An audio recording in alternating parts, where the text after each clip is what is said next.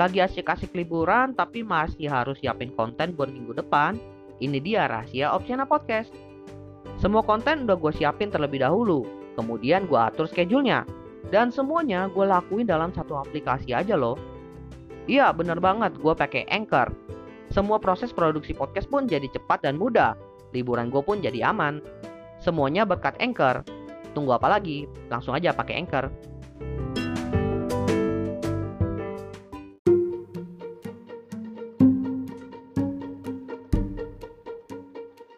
Selamat datang di Tutup 2022. Episode ini adalah bagian dari tantangan 30 hari bersuara 2022 yang diselenggarakan komunitas The Podcaster Indonesia. Selamat mendengarkan.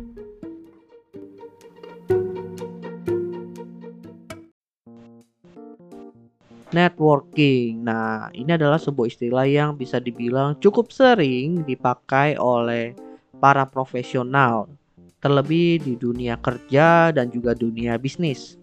Bahkan ya banyak tips dari berbagai tokoh ternama yang memang udah sukses mengatakan bahwa kita itu perlu networking. Sebenarnya networking itu apa dan kenapa menjadi salah satu hal yang penting dalam dunia karir dan bisnis.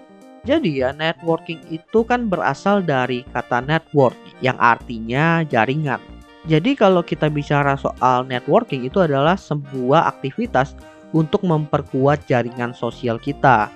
Jaringan sosial yang dimaksud ini bukan sekedar jaringan pertemanan aja, tapi lebih dari itu. Di mana jaringan ini ya dia itu punya potensi yang tentunya saling menguntungkan satu dengan yang lain. Tapi perlu digarisbawahi bahwa ini masih potensi. Artinya bisa terjadi menguntungkannya itu dalam waktu dekat atau mungkin jauh-jauh hari dan ada kemungkinan juga tidak terjadi hal seperti itu. Pertama, kita harus tahu dulu nih, apa pentingnya dari aktivitas networking ini buat kita. Yang pertama tentunya dari proses networking ini ya kita itu akan mendapatkan wawasan baru dan juga ide baru dari orang-orang yang baru pula Kenapa bisa seperti itu? Karena ketika kita melakukan networking, biasanya kita itu dikumpulkan dengan orang-orang yang berasal dari berbagai tempat. Selain itu, orang-orang tersebut pun berasal dari bidang-bidang yang berbeda. Adalah beberapa orang yang bidangnya itu mungkin masih sama dengan bidang kita, tapi dari cara kerja, kemudian cara mengeksekusi sesuatu, itu tentunya berbeda dari kita. Di situlah kita itu bisa saling bertukar pikiran, membahas sebuah masalah dan cara pandang mereka terhadap sebuah masalah. Karena biasanya dalam sebuah masalah itu ada beberapa cara penyelesaian yang tentunya terkadang itu tidak terpikirkan oleh kita tapi terpikirkan oleh orang lain. Atau mungkin terpikirkan oleh orang lain tapi mereka tidak tahu cara eksekusinya sedangkan kita tahu. Di sinilah wawasan kita itu bertambah karena kita mendapatkan ilmu dari orang baru tersebut mungkin ide, wawasan, dan ilmu yang kita dapatkan dalam networking ini nggak bisa kita pakai langsung. Mungkin bisa beberapa bulan, beberapa tahun, bahkan berbelasan tahun nantinya baru kepake. Tapi setidaknya ketika kita dijerumuskan dengan masalah yang berhubungan dengan hal tersebut, setidaknya kita udah punya gambar atau wawasan dari mana ya dari hasil networking tadi. Lalu yang kedua, pentingnya networking itu adalah kita itu bisa menemukan orang yang punya mindset serupa, bahkan bisa menemukan yang visi misinya itu serupa juga. Selain menemukan orang dengan sudut pandang yang baru, kemudian cara pikir yang berbeda pula, kita pun bisa menemukan orang-orang yang memang memiliki cara pikir yang serupa, bahkan punya tujuan atau prinsip yang serupa juga dengan kita. Kalau kita ketemu sama orang yang punya mindset serupa dan visi misi yang serupa, biasanya koneksi yang terjalin itu lebih cepat akrabnya. Bahkan ya kalau kita bicara soal potensinya, biasanya potensinya itu jauh lebih cepat terlihat. Karena kan kalian merasa ada kompatibilitas antara satu dengan yang lain, sehingga terbangun sebuah trust atau kepercayaan. Dari sini nih yang berkembangnya itu bisa mempengaruhi karir dan juga bisnis kalian secara positif. Kalau di karir mungkin kalian akan direkomendasikan bekerja di perusahaan tempat mereka bekerja. Lalu kalau berbisnis, biasanya kalau kalian baru mau mulai bisnis, kalian kan punya masalah yang ingin diselesaikan. Nah, ketika kalian ketemu orang yang punya mindset serupa atau punya masalah yang serupa, di situlah masalah dari bisnis kalian itu tervalidasi. Sehingga kalian nggak mikir kayak, ah ternyata masalah ini bukan dari pikiran gua aja, ada kok orang yang ngalamin juga. Seperti itu. Selain masalahnya tervalidasi di sini, dalam banyak cerita pun banyak kok orang-orang yang akhirnya karena mengalami masalah yang serupa, mereka itu berpartner dalam menjalankan bisnis tersebut. Makanya, networking itu bisa dikatakan sebuah aktivitas yang penting. Pertanyaannya, networking itu memang penting, tapi ada nggak sih cara mudah agar kita itu bisa melakukan networking dengan baik?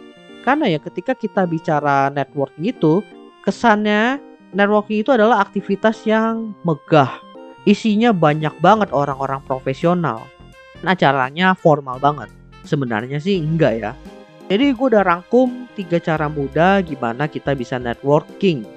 Yang pertama adalah kalau kalian orang kantoran, kalian itu cukup dengan menjalin hubungan baik dengan kolega dan juga atasan kita. Meskipun ya kita dengan teman kerja dan juga atasan itu berada di dalam naungan satu perusahaan yang sama, sehingga kesannya itu ya lingkupnya cuma satu perusahaan. Sebenarnya kan enggak ya atasan kita dan juga kolega kantor kita itu tentunya dia punya koneksi tersendiri yang mungkin ternyata cocok banget buat kita dan merupakan pintunya buat kita. Tapi ya karena kita itu nggak punya jalan ke sana, ya kita nggak bisa mencapai pintu tersebut. Bayangin ya kalau sananya kita itu punya hubungan yang baik dengan atasan kita dan juga kolega kita, dan kita lagi butuh koneksi tersebut, tentunya mereka itu tidak akan segan untuk memberikan koneksinya kepada kita. Tapi kalau seandainya hubungan kalian itu buruk, suka berantem, ya pastinya atasan kalian atau mungkin kolega kalian yang nggak akan rekomendasiin kalian. Jangankan kita bicara koneksi yang dimiliki oleh kolega kalian. Bahkan kolega kalian itu bisa menjadi partner terbaik kalian. Karena kan banyak juga tuh startup-startup sukses yang ternyata co-foundernya itu adalah teman satu kantor dulu. So, jalin hubungan baiklah sama teman kantor dan juga atasan kalian. Karena kita nggak akan tahu ke depannya nanti itu kalian bisa jadi apa dari mereka juga. Lalu masuk yang kedua, dengan mengikuti seminar atau event-event tertentu. Nah, kalau kita bahas soal seminar ya, sebenarnya seminar itu nggak selalu harus yang berbayar. Banyak kok seminar-seminar yang itu gratisan. Kan pembicara dari seminar yang gratisan bisa dibilang nggak boleh dianggap remeh. Nama-nama ternama pun ada di sana. Apalagi ya sekarang itu seminar kan bukan cuma offline aja, udah ada yang online. Sehingga untuk mendapatkan kontak dari orang-orang yang mengikuti seminar, bahkan kontak dari pembicara pun jauh lebih mudah sekarang.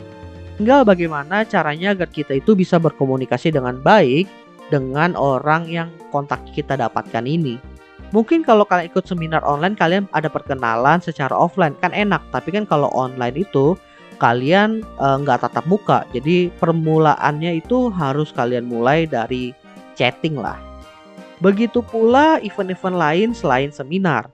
Event-event seperti festival musik, festival makanan, bahkan event aktivitas sosial bisa menjadi sarana networking yang ampuh. Karena balik lagi, ketika kita ikutin seminar, kemudian ikutin event-event festival dan juga event aktivitas sosial itu kita datang ke sana dengan tujuan yang sama. Jadi bisa dibilang udah ada kesamaan yang mempertemukan kita dengan orang lain. Tinggal bagaimana caranya kita approach orang tersebut. Lalu masuk ke cara ketiga yaitu bergabung dengan komunitas berbasis hobi. Kenapa gue bilang basisnya hobi? Karena gini, komunitas itu kan ada yang sifatnya itu formal dan informal. Nah, kalau yang basisnya formal itu jauh lebih profesional, entah komunitas bisnis, entah komunitas uh, pekerja, mana ini adalah komunitasnya profesional. Masing-masing orang yang masuk ke sini punya tujuan masing-masing, sehingga akan sulit menemukan kesamaannya secara eksplisit. Sedangkan kalau kita bicara komunitas yang informal itu biasanya berbasis dari tujuan yang sama, Nah, yang paling gampang itu, yang paling dekat dengan kita adalah komunitas berbasis hobi. Karena pastinya kita join ke komunitas hobi tersebut, kita itu punya satu tujuan yang sama. Selain itu, orang-orang yang bergabung di sini punya satu kesamaan, yaitu hobi itu sendiri, which is itu adalah satu langkah lebih maju dalam networking. Kita sudah punya nih kesamaan yang bisa kita pakai untuk approach orang. Tinggal bagaimana cara kita mengkomunikasikannya untuk ke tahap yang lebih lanjut. Kelebihan dari komunitas informal daripada informal itu adalah vibe-nya yang jauh lebih friendly. Sehingga kita pun kalau approaching itu jauh lebih nyaman ketimbang komunitas yang basisnya itu profesional atau formal.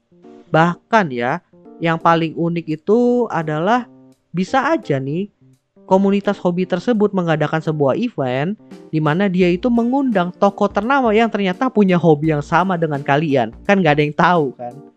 So, dicoba aja cari komunitas yang cocok dengan hobi kalian dan coba gabung di sana.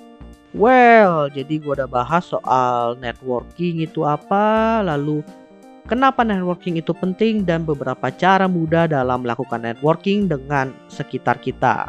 Semoga dengan episode kali ini bisa membantu kalian menemukan potensi kalian dari networking. Oke, gua rasa itu aja. Thank you buat teman-teman yang sudah mendengarkan. See you next time di Tutup 2022 episode lainnya. Bye semuanya.